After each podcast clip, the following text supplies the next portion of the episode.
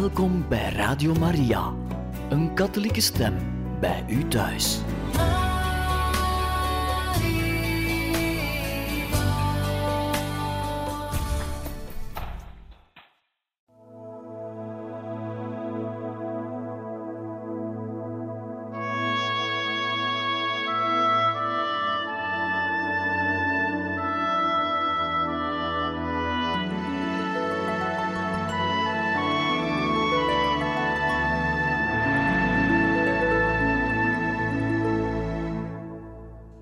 Van harte welkom, beste luisteraars van Radio Maria, in het programma Heiligen Getuigen, waarbij u verder voorlezen uit het boek Mijn Heerlijk Leven, het verrassend geestelijk avontuur van de jeugdige Gabriel Possenti, geschreven door Edmund Burke. En zoals het altijd gaat, wanneer we met een heilige op weg gaan, komt er ook een einde aan het leven. Het tijdelijke wordt voor het eeuwige ingeruild. En de heilige die we hebben kunnen volgen, zal zijn beloning ontvangen in de hemel. Wij lezen vandaag verder voor, vanaf hoofdstuk 20, de glorende dag. Het feest der plechtige herdenking van het lijden een karakteristiek feest van de congregatie der Passionisten, werd gevierd op dinsdag 25 februari. Op dezelfde avond begon de jaarlijkse communiteitsretraite in Isola. Uitgeput door de samenwerkende gevolgen van vermoeidheid en slaapgebrek, trok pater Norbertus zich de daaropvolgende nacht in zijn cel terug. Het was lang nadat de rest van de communiteit naar bed gegaan was, want de priester was aanvankelijk van plan geweest de nacht in de ziekenkamer door te brengen. Zeer tegen zijn zin had men hem ertoe overgehaald eindelijk eens een nachtrust te nemen. Want tien dagen aan een stuk was hij nu al onvermoeibaar in de weer, dag en nacht zorgzaam en op zijn hoede geweest, zodat hij een instorting nabij was. Er waren anderen die gedurende de nacht konden waken, en er scheen geen onmiddellijk gevaar aanwezig. De priester hoefde niet op te staan, zeiden ze. Hij zou onmiddellijk geroepen worden als het tot een crisis kwam. Deze geruststelling bracht pater Norbertus tot zijn besluit. Toch was er iets dat hem op zijn hoede had kunnen doen zijn, maar hij was zo vermoeid dat de betekenis daarvan hem op dat ogenblik ontging. Anders had Gabriel altijd erop aangedrongen dat pater Norbertus wat rust zou gaan nemen. Maar juist die avond was het, toen hij afscheid van hem nam, alsof Gabriel liever gehad zou hebben dat hij bleef. Maar tot slapen kwam het die nacht niet voor pater Norbertus. Onophoudelijk keerden zijn gedachten terug tot de stervende student. Hij kon het geluid van enige beweging in de ziekenkamer horen Eén keer meende hij dat hij hem hard had horen roepen. Woelend en almaar van de ene zijde op de andere draaiend, kwam pater Norbertus eindelijk tot de bevinding dat het gewoon geen zin had. Hij stond op en liep op de tenen zachtjes naar de kamer van de patiënt. Gabriel was nog wakker, en zijn gezicht herleefde van voldoening toen hij zijn trouwe vriend zag terugkeren. Plaatsnemend in een stoel naast het bed, liet pater Norbertus zijn gedachten de vrije loop. Gabriel maakte zich gereed om te gaan slapen, en voor een poosje was alles stil. Langzaam kroop de lange nacht voorbij.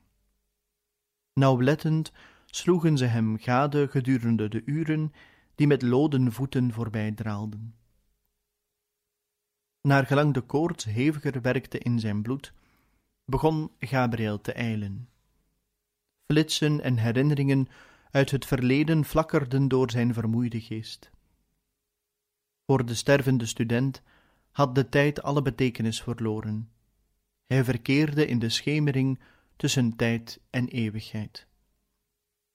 Eén keer meende hij dat hij het Angelus hoorde luiden, en begon het te bidden. Dan weer was hij aanwezig bij de zegen met het Allerheiligste en probeerde hij het kruisteken te maken. Plots bad hij stukjes uit de heilige mis waarvan gedeelten in zijn geest opdoken. Of hij beantwoordde koortsig litanieën met het herhaalde ora pro nobis, ora pro nobis. Hij begon de rozenkrans te bidden en zei toen, half bij bewustzijn tegen zijn metgezellen, Waarom knielen jullie niet en bidden de rozenkrans met ons? Om hem zijn zin te geven, knielden allen die in het vertrek waren rond het bed om de rozenkrans mee te bidden. Met gesloten ogen begon hij het Onze Vader te bidden en brak middenin plotseling af en keek op met een vragende blik. Nu is het weg, zei hij. Ik weet de rest niet meer. Zich vlug herstellend, sloeg hij de ogen op en zag zijn oppasser bezorgd op hem neerkijken. Gabriel lachte zachtjes in zichzelf. Dit keer was ik werkelijk aan het eilen, is het niet? Het was pijnlijk voor pater Norbertus de levensvlam zo grillig te zien flakkeren. Hij wist dat het einde niet lang meer kon uitblijven, maar hij was vastbesloten om tot iedere prijs tot dat einde toe te blijven. Hij was bang, en die vrees bleek al gauw gewettigd dat de machten der duisternis zich verzamelden voor een laatste wanhopige aanval op deze uitverkoren ziel. Welke vorm deze aanval zou aannemen, kon pater Norbertus zelf niet gissen. Doch dat hij komen zou, daarvan was hij vrij zeker. Ondanks zijn lichamelijke zwakte was zijn geest klaar wakker en op zijn hoede. Hij was bereid. Toen Gabriel een helder ogenblik had en min of meer geheel bij bewustzijn was, boog pater Norbertus zich naar hem toe en vroeg: Confrater Gabriel, waarover droom je nu? Van goede dingen, heilige dingen, goddank, luidde het antwoord. De hele nacht lag hij daar in het overvolle en enge vertrek. De stilte werd enkel verbroken door de snelle, ondiepe ademhaling van de stervende jongeling, des te pijnlijker nu de benauwdheid steeds dichter zijn borst beklemde. Rusteloos draaide hij zich van de ene op de andere zijde, want zelfs het gewicht van de dunne deken drukte zwaar op zijn uitgeteerd lichaam. Zijn bleek voorhoofd was vochtig van zweet door de koorts die in hem woelde. Zijn grote, uitdrukkingsvolle ogen, die nu dof waren van de pijn, waren door donkere kringen omgeven, die de slapeloze nachten verrieden. Hij had alle zin in voedsel verloren, en hij werd misselijk als de verpleger hem alleen maar met zachte woorden trachtte over te halen om iets tot zich te nemen. Neem het, ter liefde van onze lieve vrouw, fluisterde de verpleger bemoedigend. Neem het uit heilige gehoorzaamheid. En weer probeerde Gabriel vergeefs aan het verlangen te voldoen. Zijn dankbaarheid voor al de hulp die men hem verleende was eenvoudig en kinderlijk. Confrater Vincenzo ondersteunde hem met een krachtige arm en liet hem wat water drinken. Dankbaar leunde Gabriel terug op zijn kussen en glimlachte. Wat kan ik voor je doen? vroeg hij.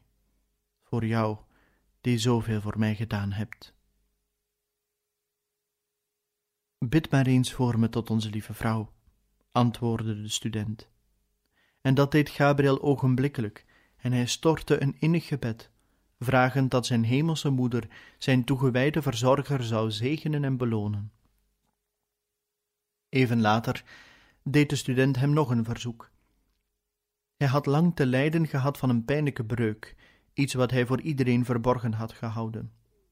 In de hoop verlichting te verkrijgen, vroeg hij Gabriel voor hem te bidden met deze bijzondere intentie. Gabriel knikte en bad in stilte gedurende enige tijd. Toen riep hij confrater Vincenzo bij zich. Wat je wenst is niet de wil van God, zei hij rustig. Dat is een kruis, dat God je met geduld wil laten dragen, tot je dood toe. Bij dit onverwachte antwoord kon confrater Vincenzo zijn verwondering niet verbergen. Toen, na een korte stilte, zei hij gelaten: Wel, goed, laat Gods wil dan geschieden. Ondanks zijn lijden dreef Gabriels offergeest hem tot het brengen van nieuwe offers. Het laatste spoor van eigenzinnigheid was verdwenen, uitgebrand en gelouterd uit zijn ziel door de vrede smeltkroes van de pijn. Het was alsof hij geen eigen wil meer had, geen verlangens meer, maar dat hij zo onderworpen was als een klein kind op de armen van zijn moeder. De zorgvolle verpleger was verbaasd en gesticht door zijn kinderlijke eenvoud. Hij wilde niets doen zonder er eerst toestemming voor te vragen, herinnerde deze zich met verbazing. Als ik tegen hem zei dat hij moest ophouden met bidden, dan hield hij ook ogenblikkelijk op, zelfs midden in een weesgegroet. Als hij zich slaperig voelde, vroeg hij me of hij een dutje mocht doen.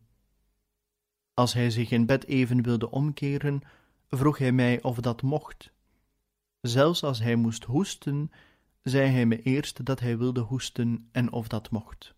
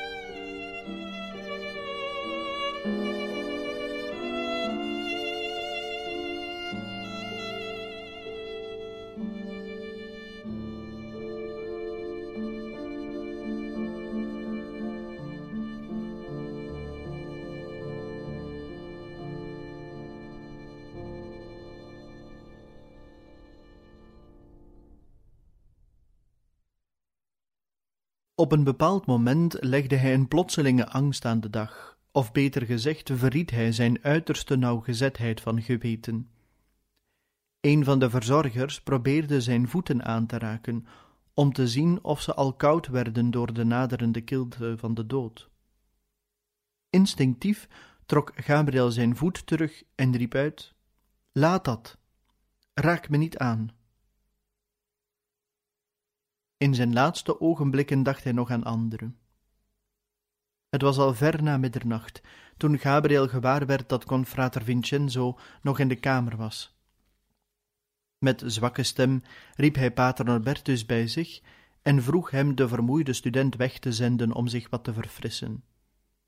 Verwen hem nu eens, zei Gabriel met een flits van zijn vroegere schalksheid, en zeg hem dat hij een flink glas wijn gaat drinken, want hij heeft werkelijk iets nodig.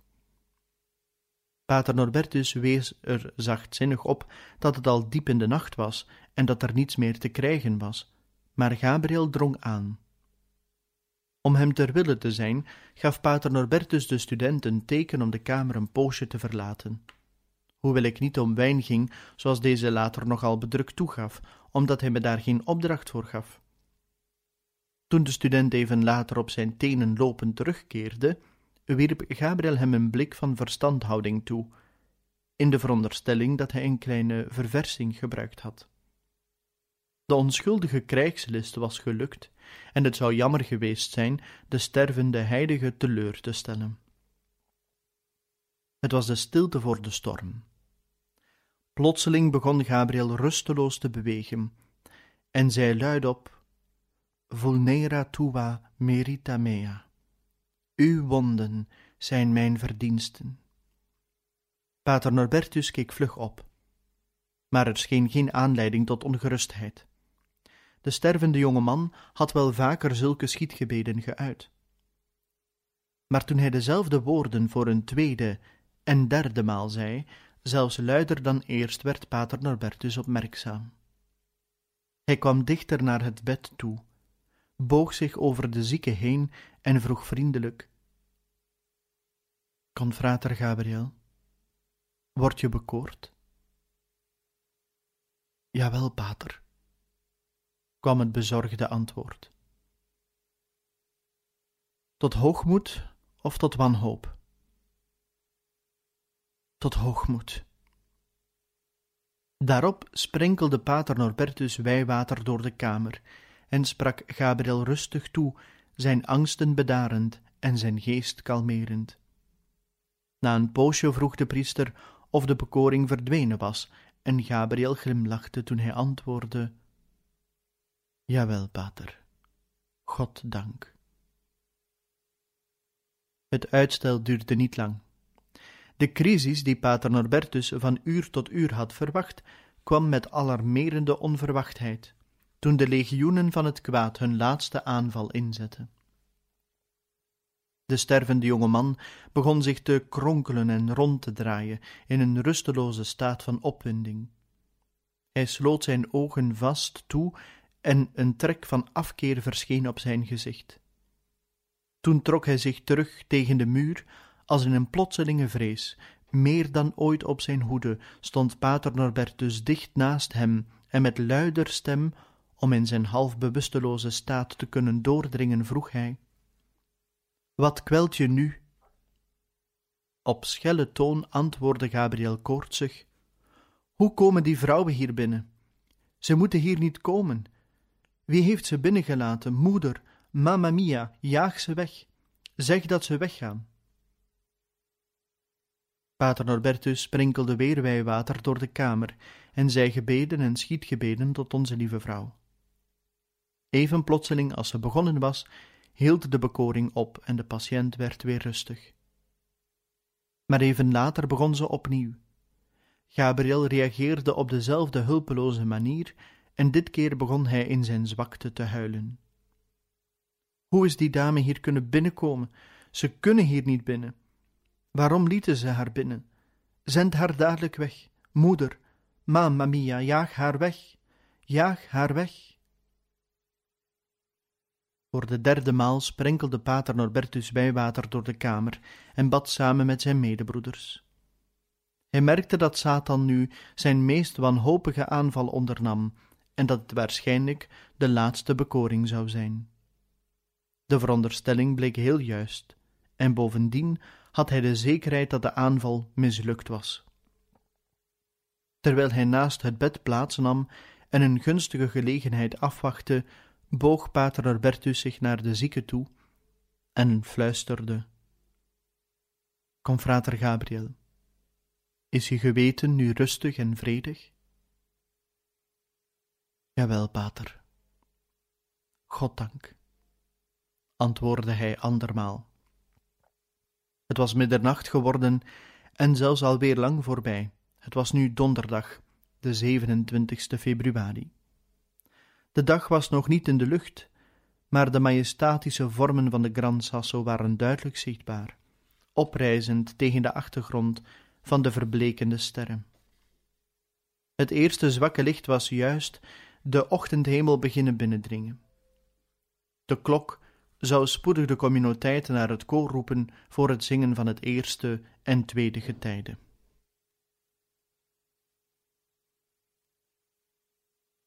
Van tijd tot tijd sprak pater Norbertus rustig tegen Gabriel om hem voor te bereiden op het ogenblik dat thans, naar hij meende, niet lang meer kon uitblijven. Hij verzekerde Gabriel dat hij nogmaals de absolutie zou krijgen op hetzelfde ogenblik dat hij zou sterven, en spoorde hem aan tot het verlangen om ze te ontvangen.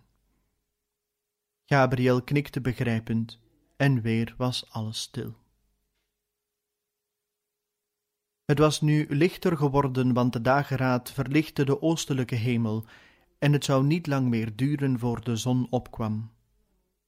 Plotseling, zonder enige waarschuwing, keerde Gabriel zich tot pater Norbertus en zei: Pater, u kunt me nu de absolutie wel geven. Verrast omdat hij geen klaarblijkelijke verandering waargenomen had, keek de priester hem aandachtiger aan maar alles was als tevoren. Er scheen geen reden tot ongerustheid, geen direct gevaar. Het is de tijd nog niet, jongen, antwoordde pater Norbertus. Wees nu maar kalm. Als het zover is, zal ik wel voor alles zorgen. Gabriel antwoordde niet, maar bracht een paar minuten in stil gebed door met gebogen hoofd. Toen keek hij weer op en drong met nog meer overtuiging aan. Pater, ik heb de akte van berouw gebeden. Toe, geef me nu de absolutie. Opeens gaf zijn biechtvader toe, toen Gabriel de handen vouwde en het hoofd boog om de sacramentele vergeving der zonden voor de laatste maal te ontvangen. Toen wendde hij zich tot pater Norbertus om hem voor het laatst om verlof te vragen. Met de grootste eenvoud vroeg hij toestemming om de wereld voor altijd te mogen verlaten, vroeg toestemming om te mogen sterven. Zijn stem stokte van onbedwingbare bewogenheid. Pater Norbertus kon alleen maar langzaam, heel langzaam antwoorden. Hij boog het hoofd. Toen de dood naderde, plukten de smalle handen van Gabriel zenuwachtig aan de deken. Bezorgd vroegen ze hem of hij anders en gemakkelijker wilde liggen. Hij antwoordde dat hij graag het prentje van onze lieve vrouw wilde hebben, dat hij gedurende zijn ziekte steeds in de hand gehouden had. Blijkbaar was het tussen de lakens geschoven op het ogenblik van zijn bekoring, want het was niet te vinden. In plaats daarvan gaf een der aanwezigen hem een plaatje van de gekruiste Christus uit Gabriels brevier. Het was een plaatje waar hij erg aan gehecht was, want onder het kruis had hij een kleine, uitgeknipte reproductie geplakt van de moeder van Smarten, het voorwerp van zijn bijzondere godsvrucht.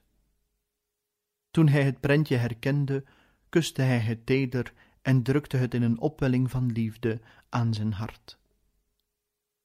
Een ondraaglijke spanning vervulde plotseling het vertrek. Er heerste volkomen stilte, buiten de snelle, hijgende ademhaling van de stervende heilige. De weinige aanwezigen waren er zich van bewust dat dit een zeer bijzonder ogenblik was en durfden niets te zeggen. Alleen hun aandachtige ogen, door tranen omvloerst, verrieden hun grote ontroering. Gabriel hield het plaatje nu in beide handen, kuste het herhaaldelijk, en weer drukte hij het met zijn zwakke kracht tegen zijn borst. Met de blik ten hemel riep hij met onbeschrijfelijke tederheid uit: Mamma mia, moeder, maak haast, haast u alstublieft. Toen was hij weer rustig en begon langzaam en met nadrukkelijke pauzes een strofe van het kleine officie van onze lieve vrouw te bidden, woorden die hem door de veelvuldige herhaling al lang vertrouwd waren. Maria, Mater gratiae, Mater misericordiae, tu nos a poste protege, et mortis ora suscipe.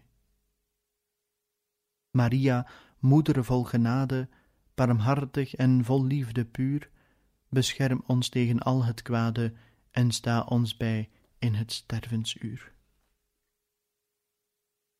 Nog een bekend gebed volgde, langzaam gebeden, heel duidelijk, met liefde, het gebed dat hem terugbracht naar de zorgeloze tijd van zijn gelukkige kinderjaren. Jezus, Maria en Jozef, ik bied u mijn hart en mijn ziel.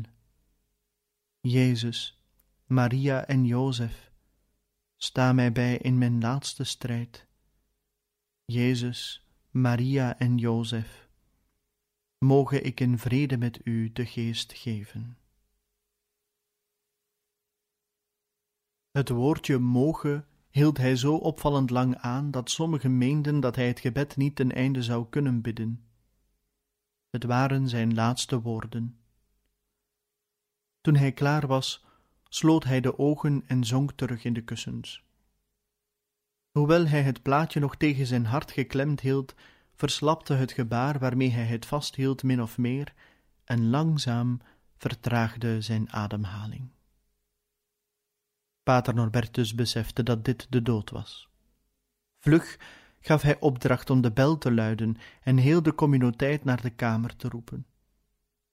Binnen een paar minuten waren allen, die op dat ogenblik geen mis opdroegen of daarbij assisteerden, door de smalle deur naar binnen gekomen. Ze wisten niet wat ze eigenlijk verwachten, maar allen wilden het einde zien van een leven dat zij allen voor dat van een heilige hielden. Zijn ademhaling werd nog trager. Er was geen doodstrijd, geen pijn. Hij was als iemand die op het punt staat in slaap te vallen na het zware werk van een lange, vermoeiende dag.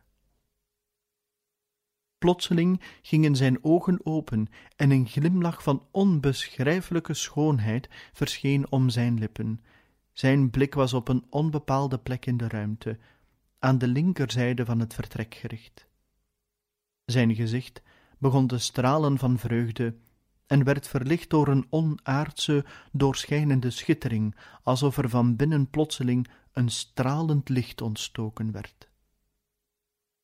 Even kwam hij van het bed overeind, hoewel zijn handen nog steeds het plaatje omklemd hielden, net als eerst. Toen zonk hij zachtjes terug en gaf de geest.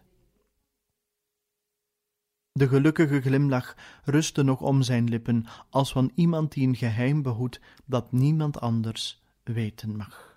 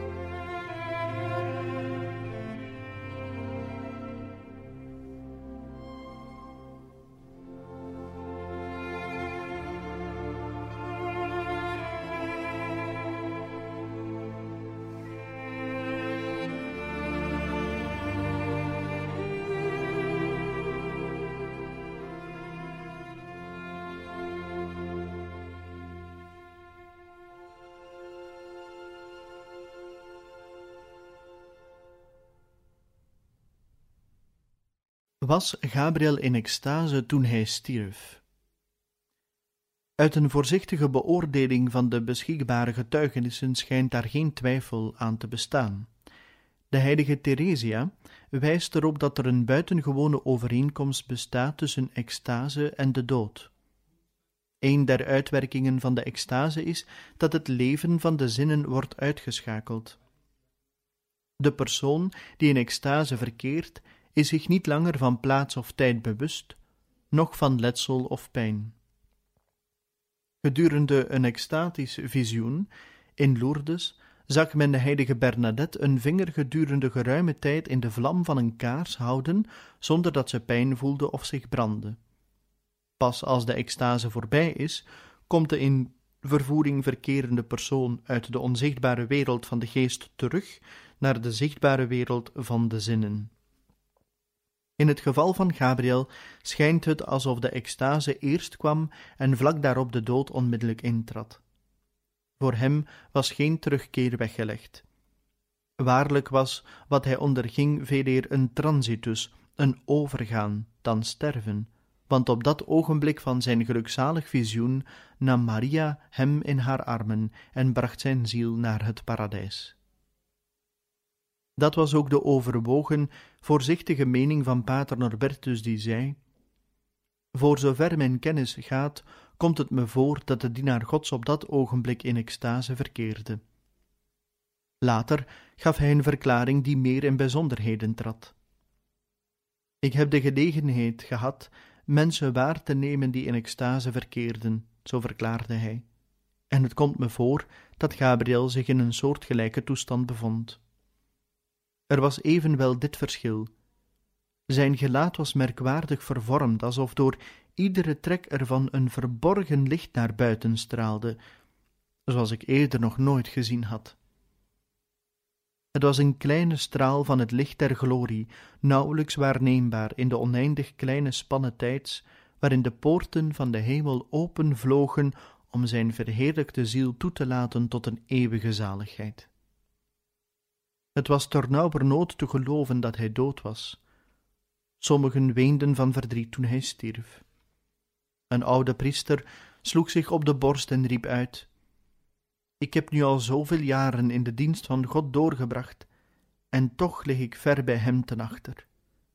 Hij daarentegen is in enkele jaren tijds heilig geworden en stierf zo liefelijk. Het was half zeven op donderdagmorgen, de 27 februari 1862, feest van de heilige Margaretha van Cortona. Gabriel was op twee dagen na 24 jaar. Van zijn korte leven had hij, sinds de dag dat hij in Morovale in het noviciaat trad, vijf jaar, vijf maanden en zeventien dagen in de congregatie der Passionisten doorgebracht. Buiten begon de dag te gloren. De vallei lag nog in duisternis gedompeld, maar de opgekomen zon had de top van de Gran Sasso reeds met haar rozige vingers aangeraakt, en op de top kreeg de witte sneeuw een vuurrode gloed van de weerkaatsende wolken. Voor de rest van de wereld was het een dag als iedere andere. Voor Gabriel was het de hoogste dag, de eeuwige dag, waarop er licht zou heersen voor altijd. Hij was ver boven de majestatische hoogten van de Gran Sasso gestegen. Ver achter en ver beneden zich had hij die kleine wereld van mensen en dingen achtergelaten. Dingen die soms zo belangwekkend schijnen, maar die zo klein zijn in het licht dat uit de eeuwigheid wenkt. Zoals hij geboren was bij het geluid van de klokken, zo vertrok hij ook met klokgelui. De plechtige slag die van zijn heengaan sprak, klonk op en zocht zijn weg, zich verliezend in de diepe stilte die over de Gran Sasso hing. En zo, beste luisteraars van Radio Maria, zijn we aan het einde gekomen, niet alleen van deze aflevering, maar ook van ons boek, Mijn Heerlijk Leven, het verrassend geestelijk avontuur van de jeugdige Gabriel Possenti geschreven door Edmund Burke. Het is ook altijd goed om op het einde van zo'n heilige leven te bidden tot God en te vragen om zijn Heilige Geest te zenden om ons inzicht te geven in datgene wat God met ons met dit verhaal heeft willen meegeven voor ons eigen leven, welke elementen we uit dit leven kunnen meenemen in de verdieping van ons eigen geloof. Want dat is ook hetgene wat de heilige Gabriel van onze lieve vrouw van Smarten aan ons zou willen schenken. Hetzelfde vuur voor God en voor zijn kerk, hetzelfde vuur voor de heilige maagd Maria. Ik dank u van ganser harte, beste luisteraars, dat u gedurende deze vele afleveringen met ons bent meegegaan in het leven van de heilige Gabriel. En ik hoop dat u er ook een volgende keer opnieuw wenst bij te zijn. Dan ontdekken we in een nieuw boek een nieuw heiligenleven. Van harte dank en nog een bijzonder fijne dag gewenst.